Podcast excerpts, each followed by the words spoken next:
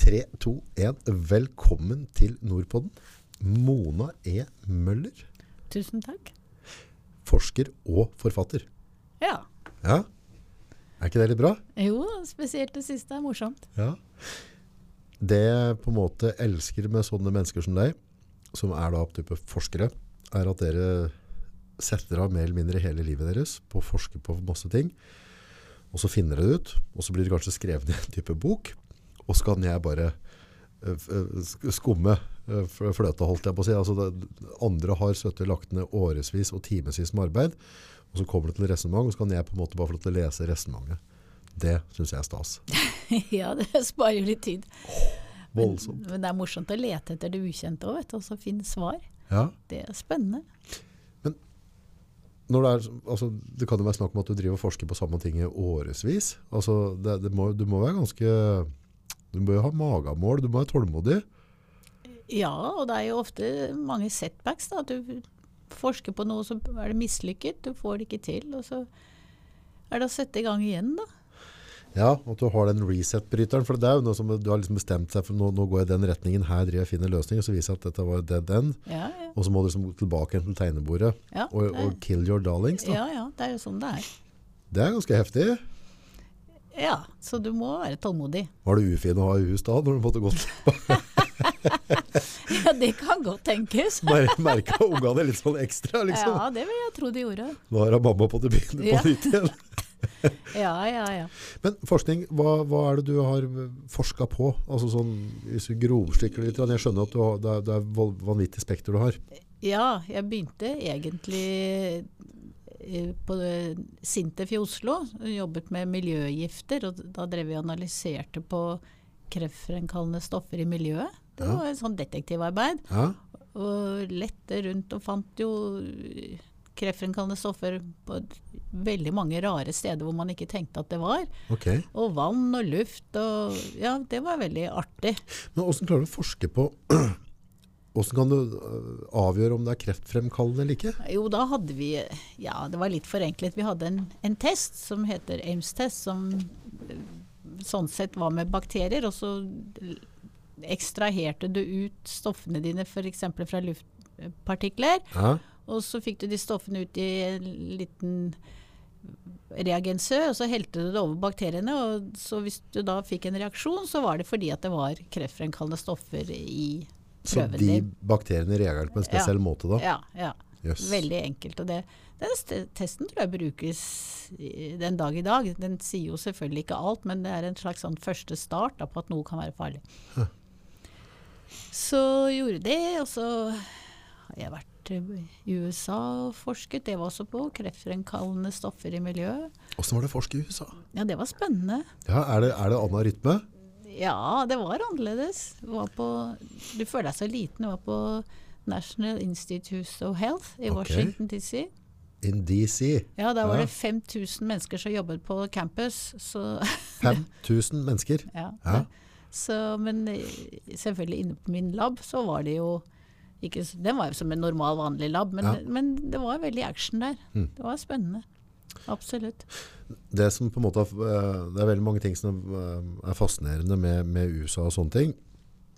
Og nå har det vært liksom en hel sånn runde med det valggreia og masse rundt der. Men, men det er som jeg ofte sier liksom at uh, vi må stole på at amerikanerne klarer å gjøre sitt egne valg. Uh, jeg, tror ikke, jeg tror ikke jeg i Norge er noe glupere enn dem. For da, USA har jo vært vanvittig dyktige på å forske på ting, nyskapende. Altså Det har kommet mye nye ting ut fra USA. Merka du liksom på det at det var et miljø for nyskapning, finne nye løsninger på tingene? Ja, absolutt. Og akkurat da jeg var der, så var det dette med hiv. Ja, Og så var det han Gallo da som oppdaget eh, eh, viruset. ja. Og så samtidig så var det noen franskmenn som gjorde det i Paris, tror jeg det var. Men, så de hadde et sånn kappløp da, om hvem som fikk ut en artikkel først, og det å være først. Altså, Hvorfor er det så viktig? Er det, har det med founding å gjøre for å være først, eller? Ja, det er, altså, forskere er vel like ambisiøse som folk i andre businesser, og det å komme ut med en artikkel i et tidsskrift som er veldig anerkjent, Ja. å være førsteforfatter eller sisteforfatter, begge de to er veldig viktige. Så da er det et rotterace om hvis det har det, noe som har i jeg holdt på å si, sånn gjennombruddsinteresse som hiv var den gangen. da. Ja. Så det var litt sånn artig. Han jobbet da i blokken ved siden av oss. Det var Husker du den, den eh, Jeg tror nok jeg er for ung til å på en måte vite at det bet sånn merke til meg. Men eh, i forhold til det vi opplever nå i dag, da. Mm. Men altså, var, var det en altså, Var verden redd? Ja, det, det, det var det jo. Jeg husker jeg begynte i Hydro like etter, og da kom han sjefen min bort og sa han hadde sittet og regnet på liksom hvor mange som skulle få hiv. da. Og, Ja. og vi skulle liksom gå nedenom og hjem alle sammen. Ja, Svartedauden. Ja, det var jo litt sånn. Og Kjemperedde. Ja, Til man fant ut at det ikke var så smittsomt. da. ikke sant. Ja, for den, den kom jo liksom den, den var ganske brutal. Det var jo mange Og jeg tror det er ikke faktisk ikke Det er ikke veldig mange flere som har uh, omkommet av covid i år enn dem som har omkommet av hiv i år, faktisk. Jeg tror det er på en type million i året som går bort av hiv i året. Er det så mange? Selv noe med medisiner? Jeg tror det er over 30 millioner smittetilfeller hvert år på verdensbasis. Oi.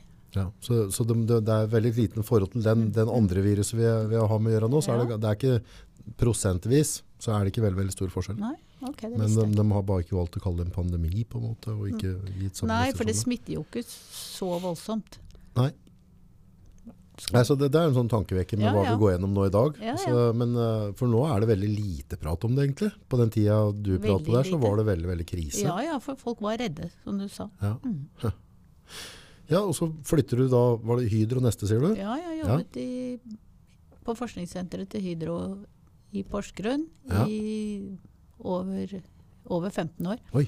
Ja. Så Hva jobba du stort sett med da, eller hva, hva forska du på da? ja, mange forskjellige ting egentlig. Men eh, det var den gangen Hydro eiet veldig mange forskjellige bedrifter. De hadde jo det som var Movi i Bergen, som har skiftet navn. Altså lakseproduksjon hadde de. Altså Oppdrett av laks? Ja, ja. Ja, det- Hydro drev med det? Ja, Hydro drev med alt. Fiskefôr hadde de. Eh, Jeg trodde Hydro kun var liksom sånn aluminium og ja, nitrogen. nå er det jo det, da. Ja, ja. Eh, men eh, nei, de, de var jo for så vidt inne i veldig mange ting. Og så bestemte de seg for å starte med legemiddelutvikling. Eh, Så Hydra har òg drev med legemiddelutvikling? ja, så de etablerte et selskap som het Pronova. Mm. som uh, fikk frem faktisk uh, Norges første legemiddel, Omacor, som er for uh, behandling av noe som heter hypertriglyceridemi. Så det, er en viss, viss type fett i, i blodet som ikke er bra i forhold til hjertekar. Okay. Så, og det er basert på omega-3-konsentrater. ja. Så det var en av de For omega-3 er bra. Omega-3 er veldig bra. det mener jeg. Ja. Det kommer jo stadig vekk artikler som sier at det ikke omega-3 er bra, men jeg mener Gjør, det. nei, skriver folk det? Ja, det kommer stadig forskere som mener at det ikke har noen betydning. Ok. Det tror jeg er bare noe sprøyt, for å være helt ærlig. Ja, nei, men jeg, jeg har veldig stor tro på det. Jeg, jeg, tror, altså, jeg har veldig stor tro på fett, fettsyrer Ja. generelt. Da. Gode fettsyrer. Altså Ja. eggeplommer, altså tran, laks. Altså, Ja. Alle, jeg, tror det, det føles riktig når du spiser det. Ja da, det Gjør det ikke det? Jo, jeg er helt enig. Jeg tror også på det å spise mye fet fisk er bra. Ja. Du spiser mye laks? Ja, en del. En del? Ja. Ja. Så, så da, da begynte dere faktisk å jobbe med å produsere medisin? Ja, altså det var jo Det tok jo litt tid da, før det ble et legemiddel, selvfølgelig. Det tar jo tid. Men vi jobbet også med andre kandidater. Eh, Hydro holdt på med flere kandidater til eh, som var kreftmedisiner. Okay. Og dro det ganske langt. Og så etter hvert da så bestemte de for å dele opp Hydro. Ja. Og da la de ned alt som hadde med legemidler å gjøre. Og Pronova det ble et eget selskap som ble solgt da, Ja. etter hvert. Så, men de har fremdeles i Sandefjord, tror jeg, omega-3-produksjon. ja. Så, men alt det andre ble nedlagt. Ja. Det var synd, for det var et veldig artig sted å, å jobbe. Veldig spennende, da. Mm. Så er det, det må være ekstra spennende å jobbe med type, om det er omega-3, eller om det er vitaminer, eller om det er medisiner. Altså jobbe med noe som potensielt kan påvirke andre mennesker i en positiv retning. Ja, og det har jeg alltid syntes var veldig spennende når det kom til da kliniske studier hvor du skulle se på effekten av disse tingene. Ja. Men det tar jo veldig lang tid å kjøre et klinisk studium. Er det noen regler, er det noen kjøreregler på hvordan det skal gjøres? Ja, det er veldig, veldig heftig. Ja. Og det har blitt strengere, og det er kanskje bra. Ja. Eh, For det første renhet og stabilitet av det produktet som du skal ta inn i disse menneskene. ja. Og så er det eh, hele det Før du kommer og får lov til å gå i mennesker, så skal du jo ha et program på dyr. Okay, Ja. Og det er helt uh, laget etter en bok du kan følge. Du Ja. skal ha så og så store doser i så og så lang tid osv. I så og så mange forskjellige dyrespecies osv. ja. Så da må du fortelle ja, Ok, så Ja. det, det må liksom Du kan ikke bare det er Prøv å spise dette, August, vi se åssen det går. Nei, når det gjelder kosttilskudd og vitaminer, så er det ikke i, i lave doser som ikke blir ansett som å være legemidler, så er det ikke så strengt. Ja.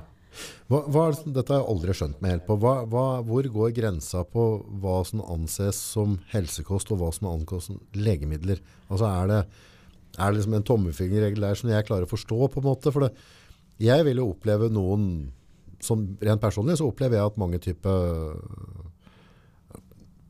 kosttil, altså vitaminer, matgreier, jeg opplever det nesten som legemiddel. Altså, jeg, jeg, føler, føler det på meg sjøl, at det fungerer på en måte.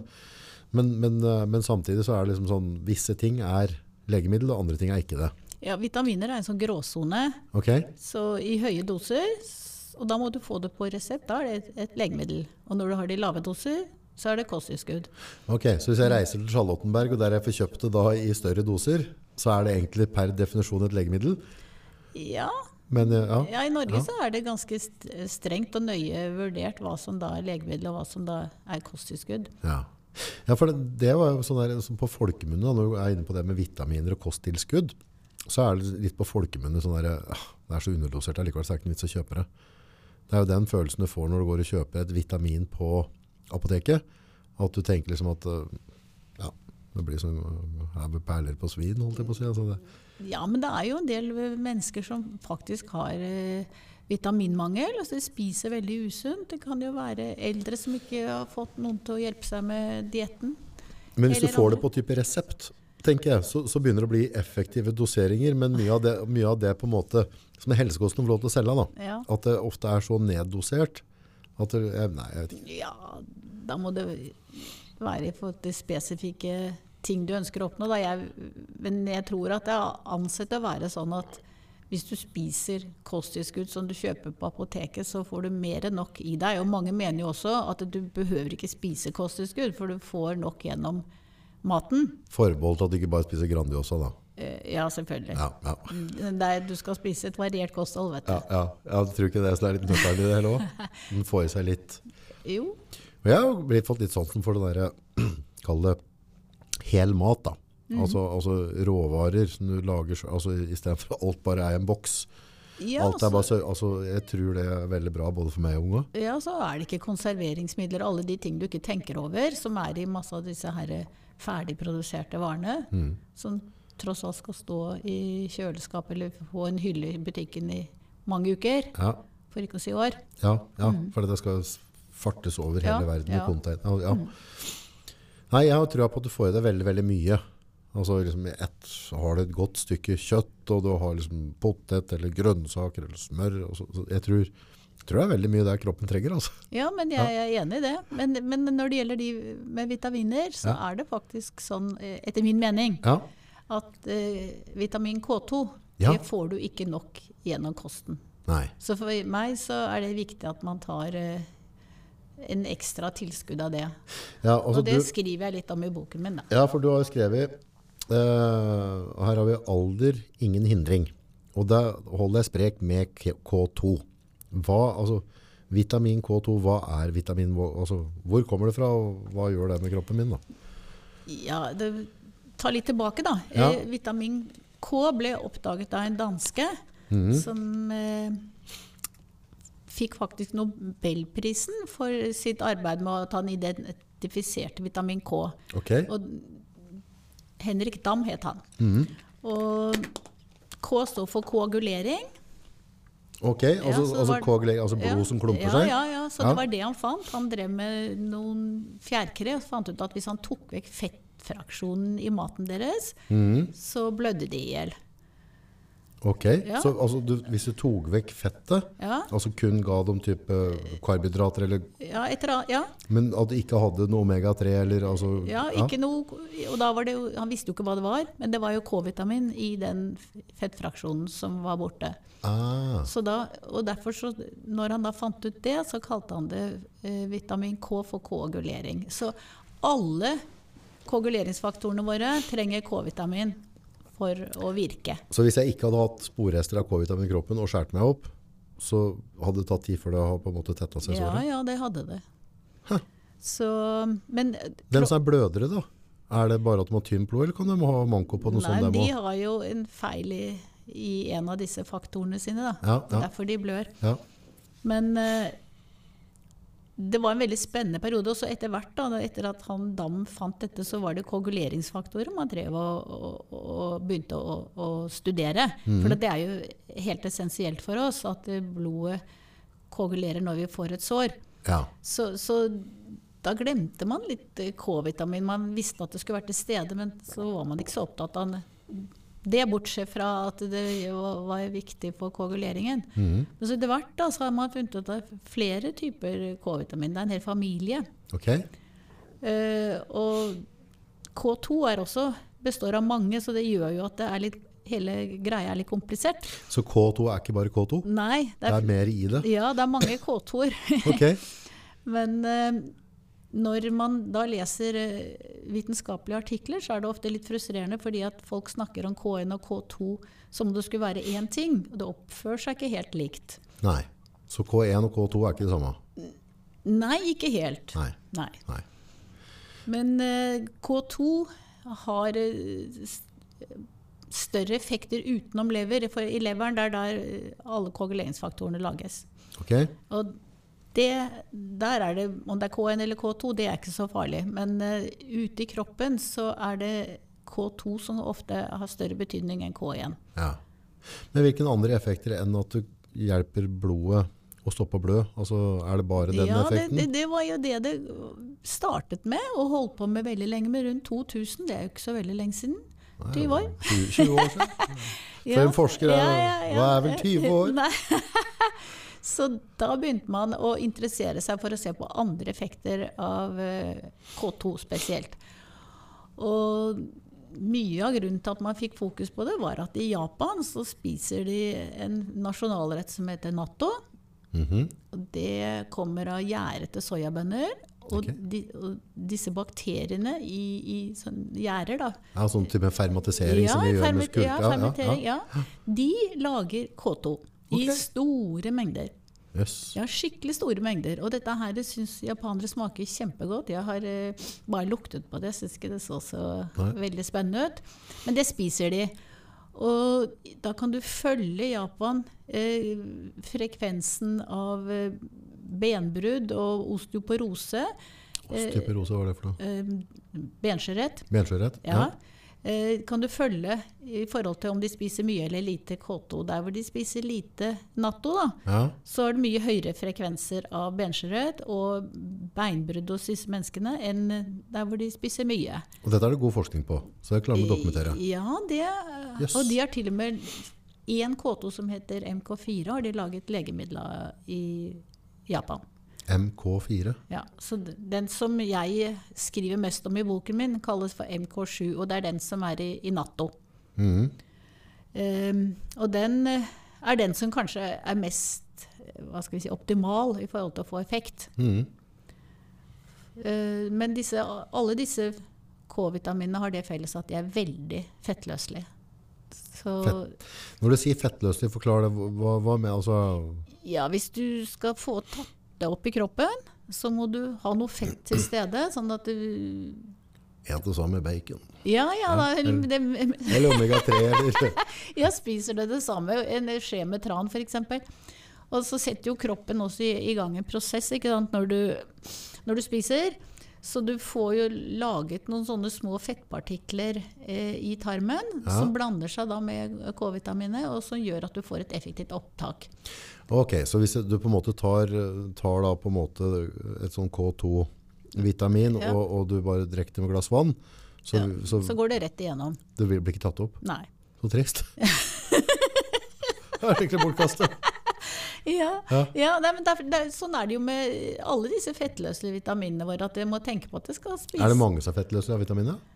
Ja, det var D-vitamin, A-vitamin, E-vitamin. Er D-vitamin fettløselig? Ja. Kunne ikke sagt det før, da? Det er det.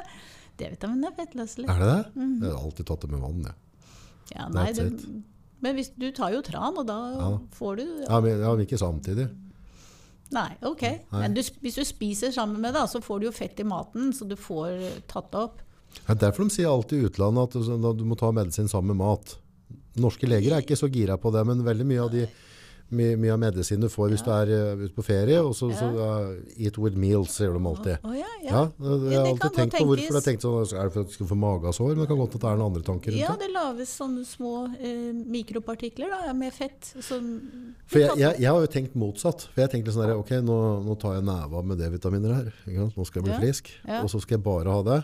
Og så hvis jeg gjør det på tom mage, så, så får magen min kun jobbe med det. Det blir kjempebra, Ja, tenker jeg da. ikke sant? ja, ja. I stedet for at jeg liksom skal ha alt mulig annet, og så, og så velger magen alt annet, tenker jeg da. Dette, dette, når jeg sier det, så høres det fryktelig dumt ut. Nei, nei da, men B-vitaminer f.eks. de er jo vannløselige. B-vitamin vannløselig, Ja, så da kan du ta med litt vann, så går det sikkert bra. ja. Men f.eks. K-vitamin har blitt tatt opp i lymfe. Ok. Ja, så det vandrer gjennom lymfen og så til lever, da, og så til andre Så det går innom lymfen først. Ja, det går i lymfen. Mm. No. Men eh, vi prata litt om det tidligere, men eh, jeg kjenner jo en del sånne matguruer sånn, som ja, er Ja. svære på det. Altså sånn der forhold til Hvis de skal drive trene eller et eller annet. Ja. Eh, de har så klart vært opptatt av både D-vitaminer og alle de tinga, men der har jeg alltid fått høre at liksom, når du tar det der, skal du alltid ha K2 til. Ja. Eh, og hvis jeg forsto det rett da, så hadde det litt med for på en måte hindrende avleiring i, i karsystemet eller noe, eller jeg husker ikke helt, men, men det var liksom i hvert fall, jeg husker at K2, den skulle være med. Ja. i, altså hvis du på en måte skal spise sunt for å gå ned i vekt, og du skal fylle på med vitaminer og mineraler som gjør at du på en måte kroppen kan fungere mer optimalt, så sto det alltid en K2 der. Det skulle jo, være med. Ja, for det, det mener jo jeg Legen er ikke noe opptatt av det, men jeg mener jo at eh, K2 er veldig viktig. Ja. Og det som er kanskje best dokumentert, det er jo i forhold til eh, bentetthet. Da. At det kan være gunstig sammen med D-vitamin. Ja. Så Det blir nærmest en sånn samarbeid mellom K og D. da. Ja, ja. Eh, D-vitamin det hjelper til å ta opp mer kalsium. Mhm. Og, og D-vitamin hjelper også at det er et protein som heter osteokalsin, som det blir dannet mer av hvis du spiser D-vitamin. Osteokalsin, hva Ja, bruker det, du det det, til da? ja, nettopp. Det, når det er aktivert Dette er ikke helt enkelt. Nei? Når Kjør det, på. når det blir aktivert, og det må aktiveres av K-vitamin, Ja. så kan det binde kalsium. Da blir det eh, sånn Da sitter noen kalsiumioner på et uh, molekyl. Ja. Og da bærer det proteinet det bærer kalsiumioner dit det skal. Ja. Og osteokalsin er med og bidrar til at det blir uh, transportert inn til skjelettet. Okay. Så da Så du, du, for at det skal komme og Ja. gi noe effekt på skjelettet mitt, så Ja. er jeg nødt til å ha det attåt. Ja, Har du brukt piperenser forresten? ja, ja piperenser. Det, Dette, dette husker jeg fra liten. For dere som ikke vet det, så gamle når de røka piper, så hadde Ja. pipe... De hadde Det er en sånn- piperenser, ja. Det er det? ja, Det ja, er å få ja. kjøpt ennå? Ja, dette har jeg kjøpt i sånn julebutikk, da, men jeg tror du kan kjøpe piperenser og rense pipen din enda. Ja, men, men det er det K-vitamin gjør. Det aktiverer mange proteiner i kroppen. Og når de er aktivert, så får de en negativ ladning, og kalsium er positivt ladet. Og det blir som en magnet. Da henger de kalsiumionene seg på. Og så kan de fraktes rundt omkring. Der vi trenger dem. Der vi trenger dem. Ja, det er en fordel. Og så der vi ikke trenger dem. Ja. Og det er det øh, som også er ganske fascinerende med K-vitamin. Det sitter et protein i åreveggen. Ok? Uh, litt komplisert navn. Det heter matrix-glad-protein, eller forkortet MGP. Ja. Og det er akkurat det samme. Det trenger, uh, For å bli, gjøre jobben sin, så trenger det aktivering av K-vitamin. Og når det er aktivert, så binder kalsiumionene seg på. Og litt uh, enkelt sagt, så transporterer det kalsium ut av blodårene dine, for du vil ikke ha stive blodårer. Riktig. Fortykka årevegger og stivheter, og- altså cracks. Og spiser du da K2, så vil K-vitamin være med å aktivere dette proteinet, og så kalsiumet blir transportert ut av blodet. Derav var Ja, det derfor de ja, sa dette her på jeg tror, ja, For jeg vet noen av disse her, og dette her Det er sånne amerikanske guruer som tjener millioner av dollar i året på å skrive sånne matdietter. Ja, Og, og de alle så smeller på K2. ja gjør det? Ja, ja, ja, det er uten unntak. Det, det er liksom sånn der det skal bare være. Det er ikke nytt å spørre spørsmål. heller. Men, men det som jeg sy- syns som forsker er, er interessant, er at det blir flere og flere forskningsmiljøer som er interessert i dette her. Og som vil dokumentere det. For veldig mange artikler så avsluttes jo med at her, dette var interessant, men her må vi forske mer. Men når det da kommer store artikler som med skikkelig statistikk, for det er jo viktig Ja, ja. eh, at eh, du, ja, og ryddig statistikk. Ja, At, du, at du bruker riktige folk. For der har jo matindustrien synda litt tidligere. Ja, jeg vet ikke det, men eh, Nei, jeg bare lest mye altså, altså, sånn, kjøtt og kreftfremkallende og sånne ting. Og sånne ting, ja. Ja, ja. Så der har de jo drevet med litt, altså, litt rare statistikker. Så det var jo sånn der, de menneskene, Du fant ut dem som spiste kjøtt, rødt kjøtt fem ganger i uka.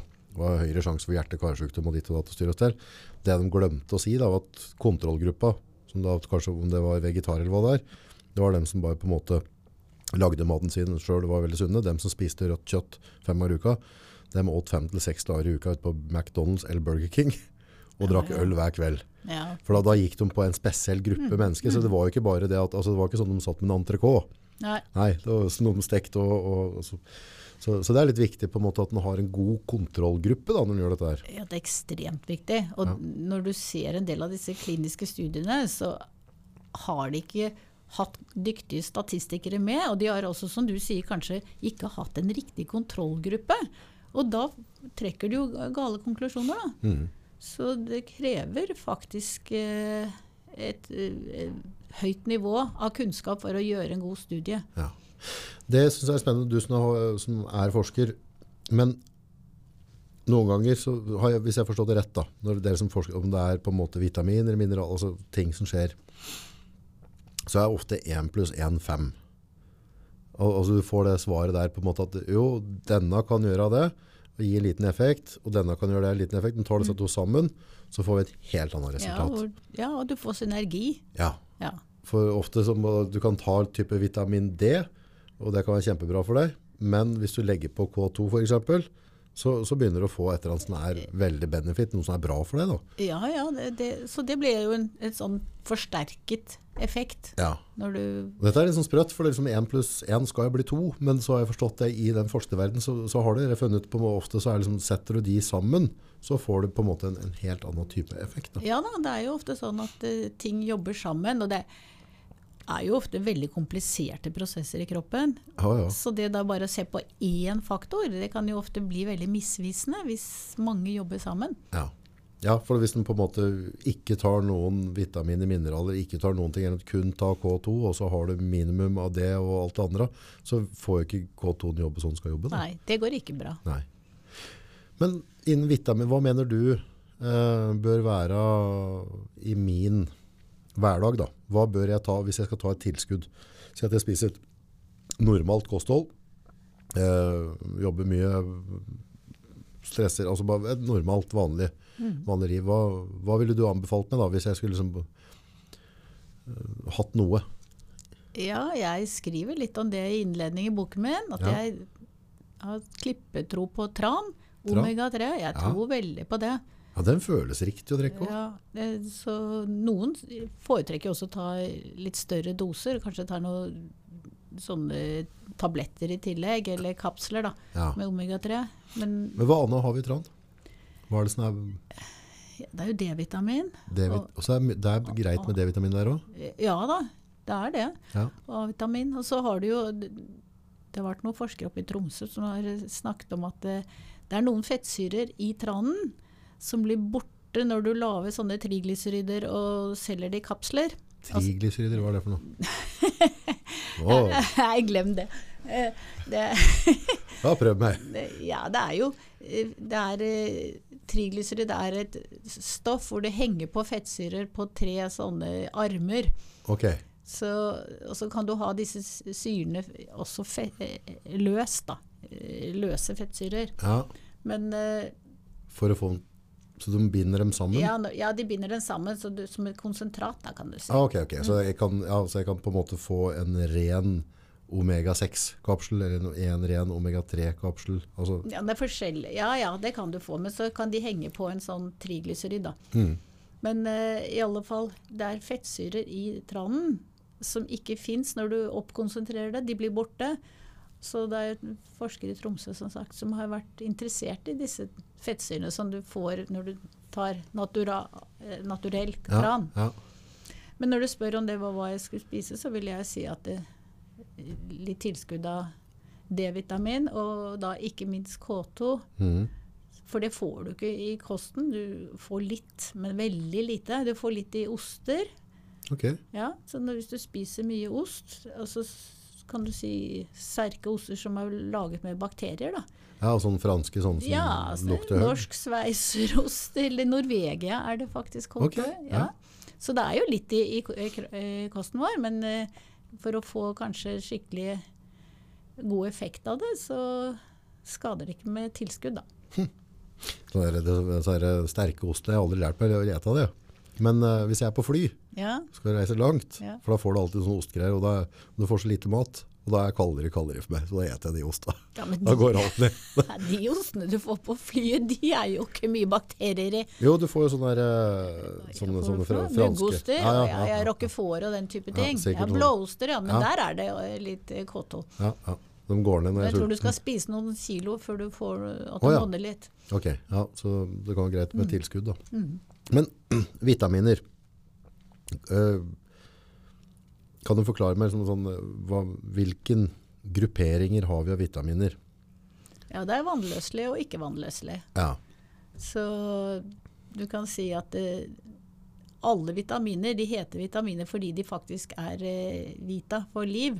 De er, de så helt- Vita, det står for liv. Ja, det betyr at altså Først trodde de det var noen aminer, så de kalte det vitamin. Men nå er det en sånn samlebetegnelse for stoffer som vi trenger ørlite av.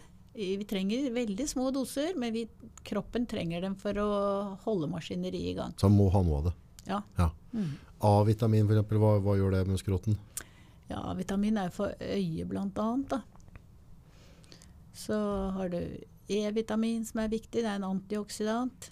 Altså, C-vitamin er vel også en antioksidant. Altså, de går inn i veldig mange metabolismespor i kroppen. Inni cellene våre så er det mange Du nevnte jo D-vitamin nesten som et hormon. Ja, Og veldig mange eh, mekanismer inni cellene, og også i forskjellige organer, som er avhengig av disse vitaminene for å få optimal effekt på cellens system. Har det skjedd etter med kostholdet vårt de siste tusen åra? Altså, for tidligere så hadde vi kanskje ikke muligheten til å få de vitaminene uh, i, i, i den formen. Altså, hvorfor, uh, hvorfor er vi der nå i dag at, at folk har et så snevert eller feil kosthold at du, at du ser det på blodprøver at her, her er vitaminet av banen?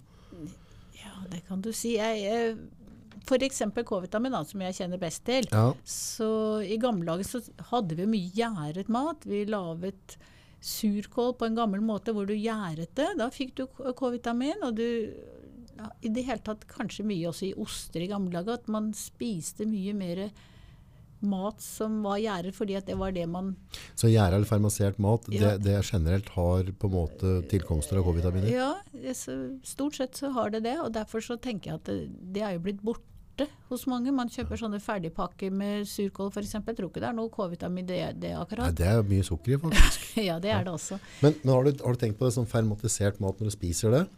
Så i, der, eh, I de aller fleste tilfellene der, så føles det veldig riktig. Ja, Akkurat som at det letter litt fordøyelsessystemet, eller ja det gjør det sikkert òg. ja, noen sauerkraut og sånne ting. Hvis du får det, og du har, liksom, hvis du har et kjøttmåltid, og du har liksom sauser, og du har litt sånn til, så det er med å... Jo, men det er samme som disse her eh, kefir og oh, skummet kultur og alle disse her. Kefir er jo knakende godt. Ja, og, og folk er jo flinke til å, å spise eh, yoghurter og ja, sure melketyper, da. Problemet med yoghurt i dag, så har blitt, alt har blitt sånn, der, eh, sånn sukkeryoghurt, men du har jo sånn, på en måte sånn greske yoghurt, altså Ja. litt mer ordentlige yoghurter. Ja. Den, den, da føler du noe sunnhetsgreier. Ja, men det tror jeg er veldig viktig å få i seg. Ja, for med noen av oss er det litt der, de yoghurt jeg kjøper til unga da, som Mm. de synes er godt. Da føles det å spise godteri når jeg spiser ikke sant? Ja, de er altfor søte. Jeg tror ikke jeg. Ja, jeg liker dem ikke, men det, det er smak og behag. Ja.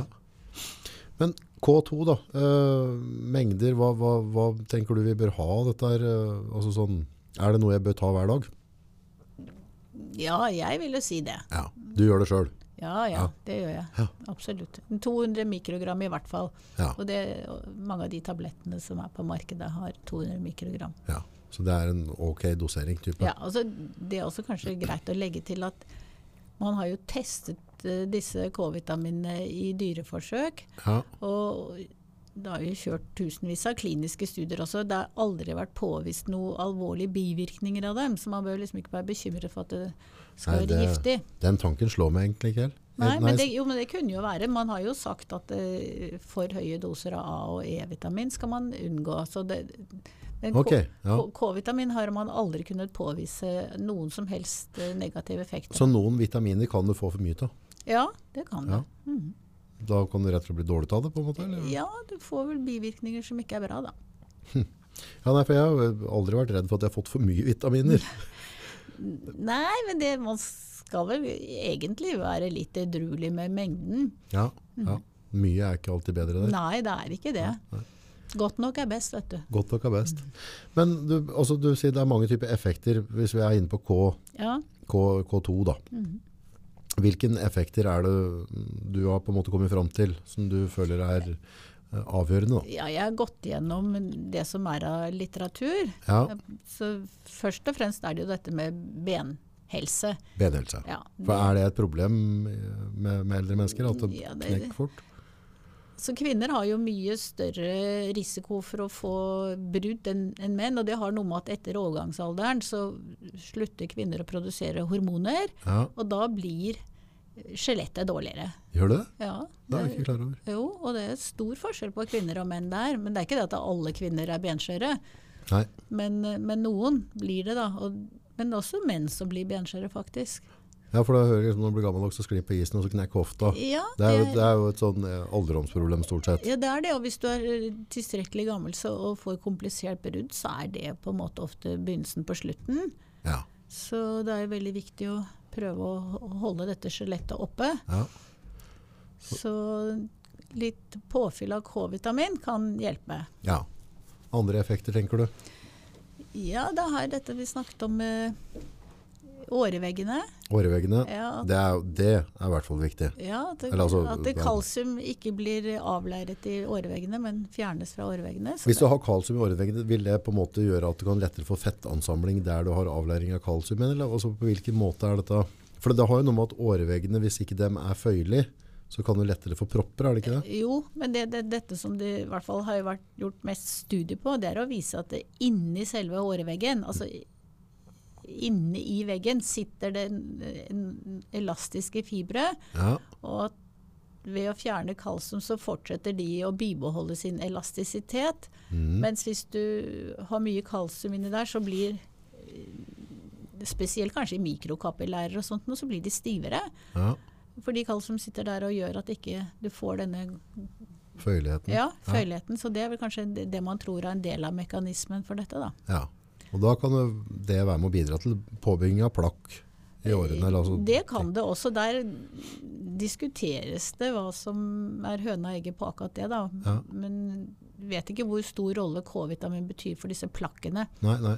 nei men det eneste at du har en føyle i året, jeg tror det kan være litt viktig. At, Ja, det, det er det. Og det er en gruppe i Nederland, eh, i Maastricht, som jobber det er, det er mange forskere, både leger og ikke-leger, som jobber med å studere dette her og kjøre mange kliniske studier og se på De har vært veldig opptatt av folk som har nyreproblemer, for de har også pro, ofte problemer med forkalkninger. Okay. Så det, det der å se på om K-vitamin kan ha en effekt på eh, å, lette trykket da, for dem som har forkalkninger generelt, det, det jobbes det mye med. For forkalkninger det kan du få inn i årene, du kan få det i ledd. Ja, Altså, du du kan, få det i, i organer. Ja, Så, så kan få forkalkninger i organene òg. Ja. ja, ja, så, så dette her eh, Men det har ikke kommet så langt, men de, Nei, nei. men de jobber med det. Jobber med det. Så når du spør om andre effekter, så er det også på i, immunsystemet.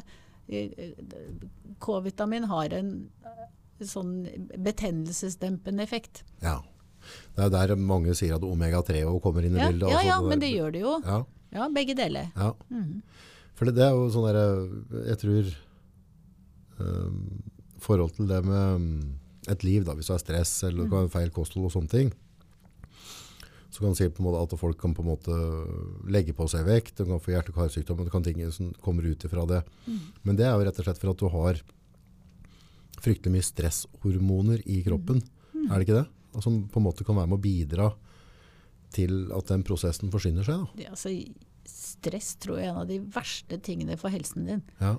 Så unngå stress, eh, sier jeg, som ofte blir Kjempestressa. Ja, men jeg, jeg vet det jo. Men jeg vet at også at det Man kan bare kjenne på kroppen sin at stress er eh, virkelig dårlig for alle prosesser i kroppen. Mm.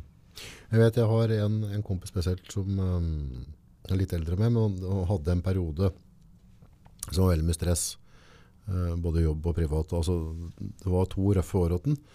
Eh, og den aldringa på de to åra, den var helt fantastisk. Altså Hvis en ser sånn før- og etterbilde. Ja, her, så bare ja. så, ok, hva, du har det ikke bra, kamerat. Nei, altså, hva, hva, hva, hva skjer her nå, liksom? Altså Det var en vanvittig forvitring.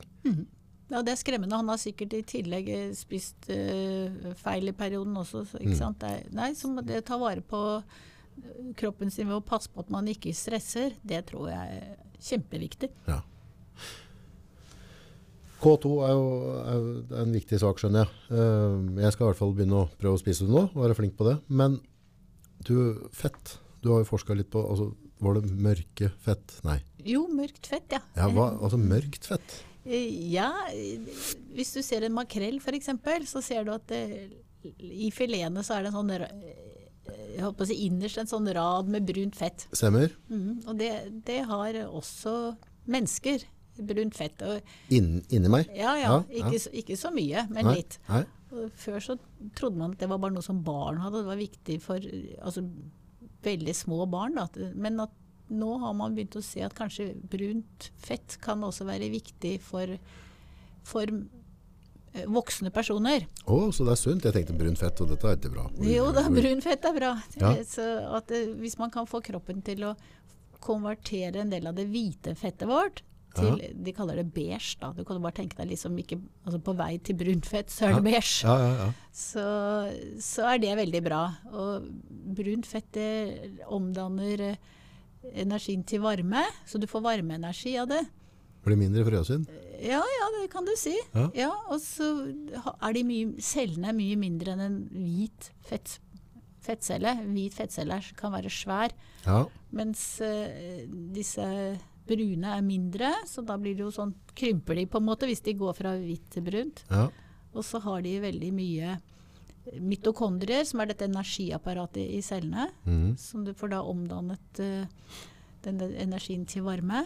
Så det har vært en del forskere som har begynt å interessere seg for akkurat den delen der, da. Ja, for vi har, vi har jo vært i en fase der det var liksom sånn, øh, om det er 10-20-30 år, altså vi hadde jo en periode vi var i krig med fettet. Altså alt rødt kjøtt med fett i, og egg og eggeplomme, oh, og grann. Det var om å gjøre å gå tilbake, minst mulig sånn. Et mer grovt brød og, og bruk margarin, ikke sant? Og nå har jo på en måte verden begynt å snu mye mer over at animalsk eller dyrefett faktisk kan være sunt da. At vi trenger det. At det ikke nødvendigvis er farlig. Ja, nei eh, Der strides jo de som kan dette her. Dette Ja. er ikke min, Nei, nei, nei, mitt spesialområde. Men det er som du sier, det er noen som hevder at det faktisk det å spise animalsk fett, eh, det er helt greit. Ja. Og at en del plantefett f.eks. eh, som inneholder mye omega-6, at for mye omega-6 ikke er bra. ja. Men dette er ikke mitt eh, spesialområde. Nei, men det er lov å ha meninger om ikke har forskning? Ja da, ja, men jeg tror at det er riktig som du hevder, da, at det er greit. Ja, for der har jeg hørt et eller annet, altså du skal ha dobbelt så mye eller fire ganger så mye. Altså du skal ha en høyere mengde omega-3 enn du skal ha omega-6 for eksempel. At hvis den omega-6-en er for høy, så kan du på en måte få en ubalanse som kan være usunt for deg. Ja, det- at, at du må balansere dette. på Ja, en det måte, er det mange som hevder. Ja, for omega-6 får vi oss i alt mulig rart. Ja, det er det vi gjør, vet du. Veldig mange produkter, og kanskje spesielt en del av disse blandingsproduktene som vi spiser som inneholder soya. Ja, ja. ja soya, det, det, den er jo den, den er veldig, veldig spennende.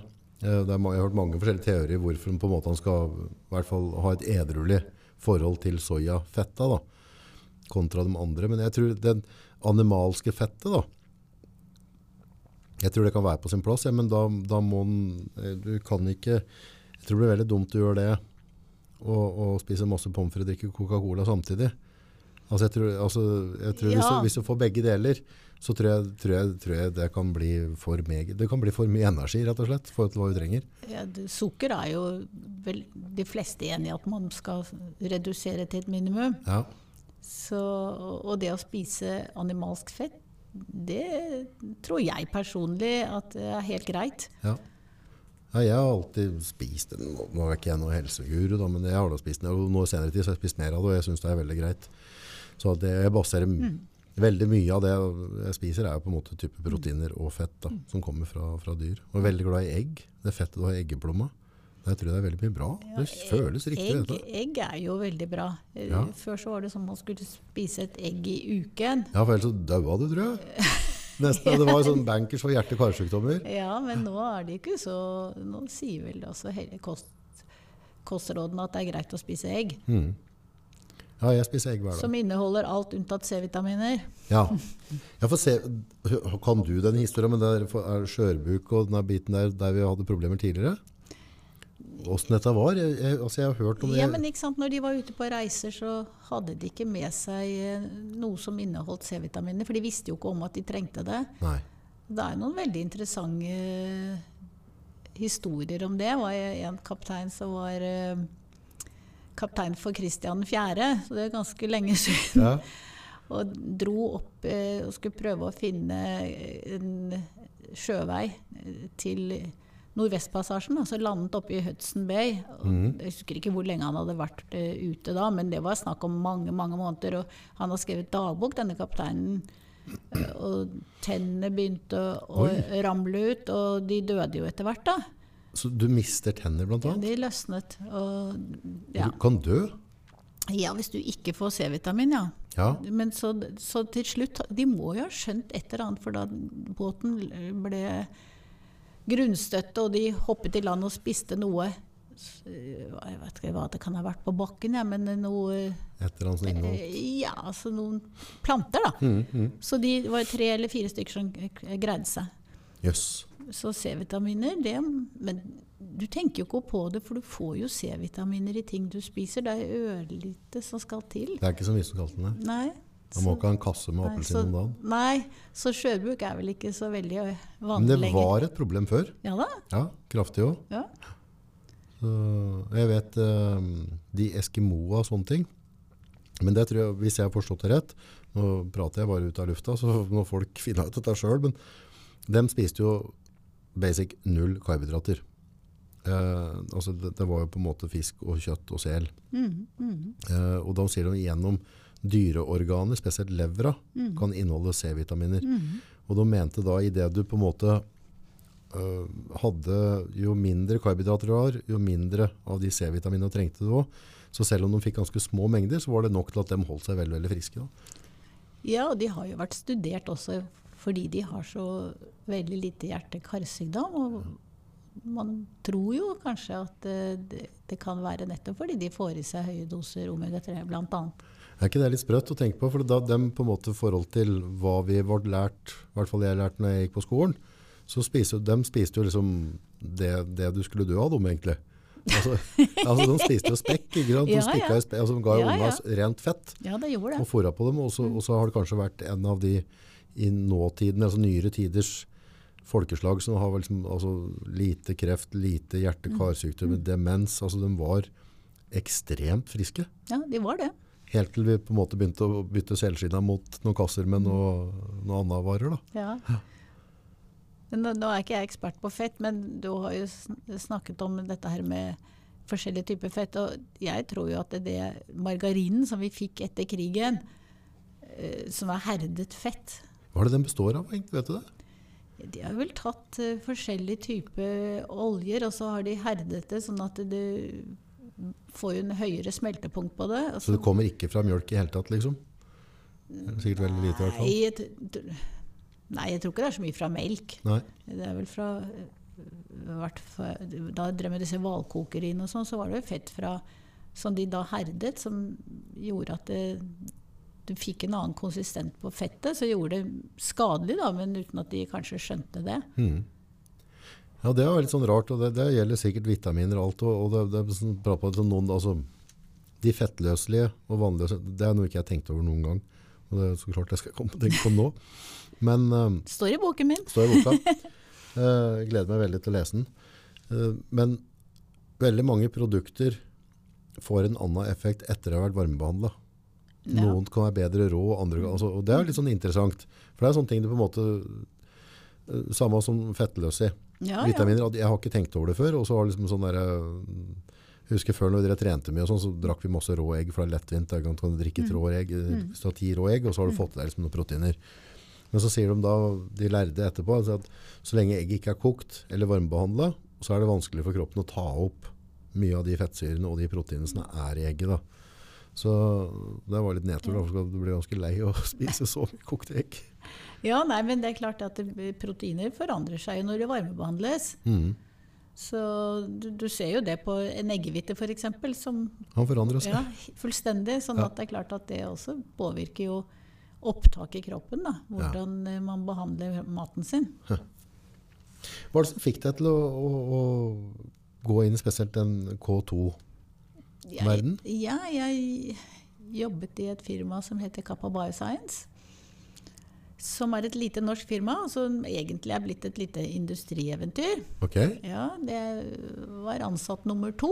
Oi. Så som var i 2009. Og der jobbet vi for å utvikle en, et K2. Mm. Så var forskere der i, i, i, i Kappa da, som jobbet med å lage et eh, organisk fremstilt eh, molekyl som mm. var superrent. Og, og K2 er et veldig komplisert molekyl. Okay. Ja, Kjempekomplisert. Og hvis du gjør det gærent, så får du Det har en tredimensjonal eh, struktur. Okay. Og det gjør jo bakteriene automatisk, riktig. Ja. Men når du skal gjøre det i et laboratorium, så er det veldig viktig at den, den er, har den riktige tredimensjonale strukturen. Og hvis den ikke har det, så har den ikke noen effekt.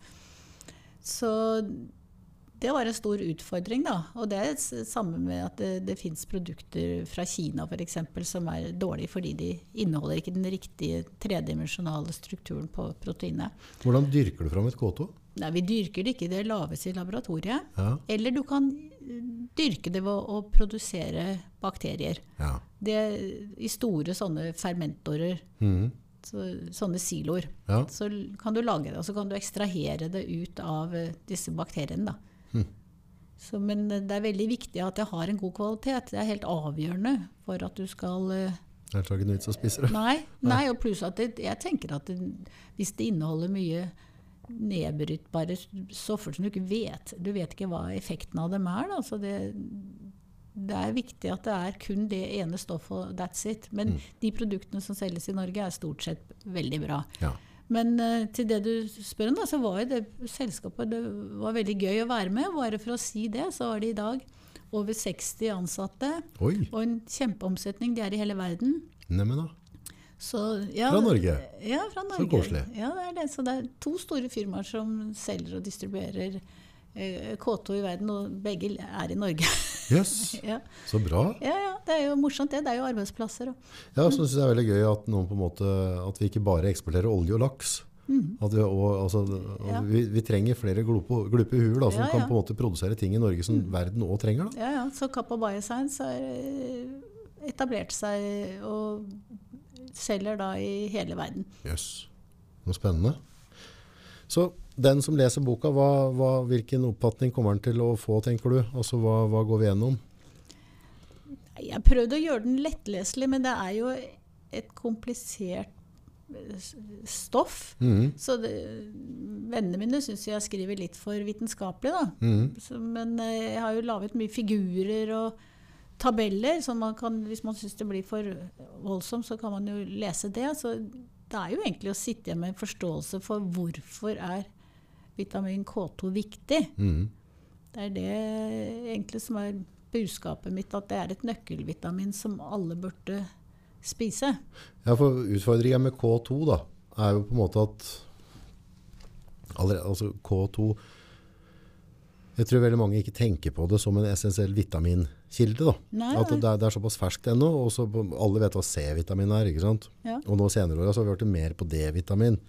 ja Altså- D-vitamin er jo kjempeviktig.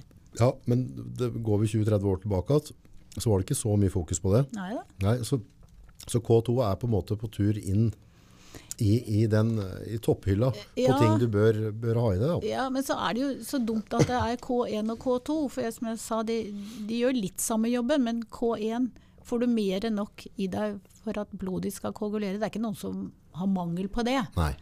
Så, så akkurat for den biten så får vi mer enn nok. Men akkurat, når det gjelder andre effekter i kroppen, så, trenger du K2. Og der er det jeg ser du har et diagram her du òg, der det står både kalsium, eh, vitamin D og, og K2. Eh, D3 da. Der, altså jeg vet vitamin D, men vitamin D3, hva er forskjell på vitamin D og D3? Ja, jeg tror for vanlige mennesker holder det å si at det er D-vitamin. Du, du har eh, en, en D, D3, så får du omdannet i lever, så laves det én type, og så går den videre til nyrene, så laves det en aktiv D-vitamin. Mhm. Det bør ikke folk tenke på.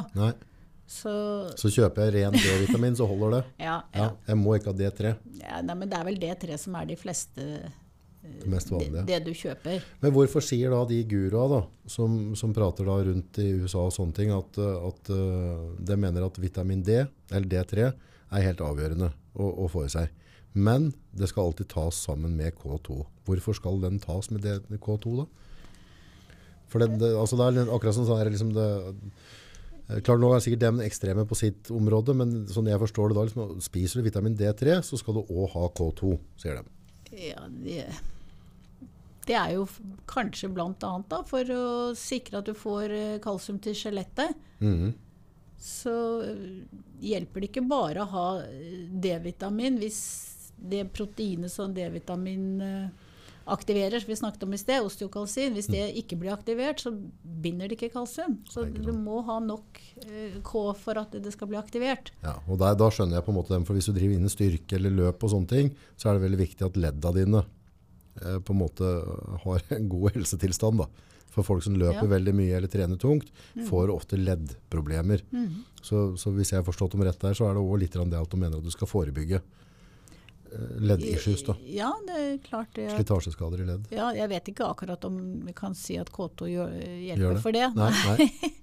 Men eh, at det hjelper for at det styrker skjelettet. Ja.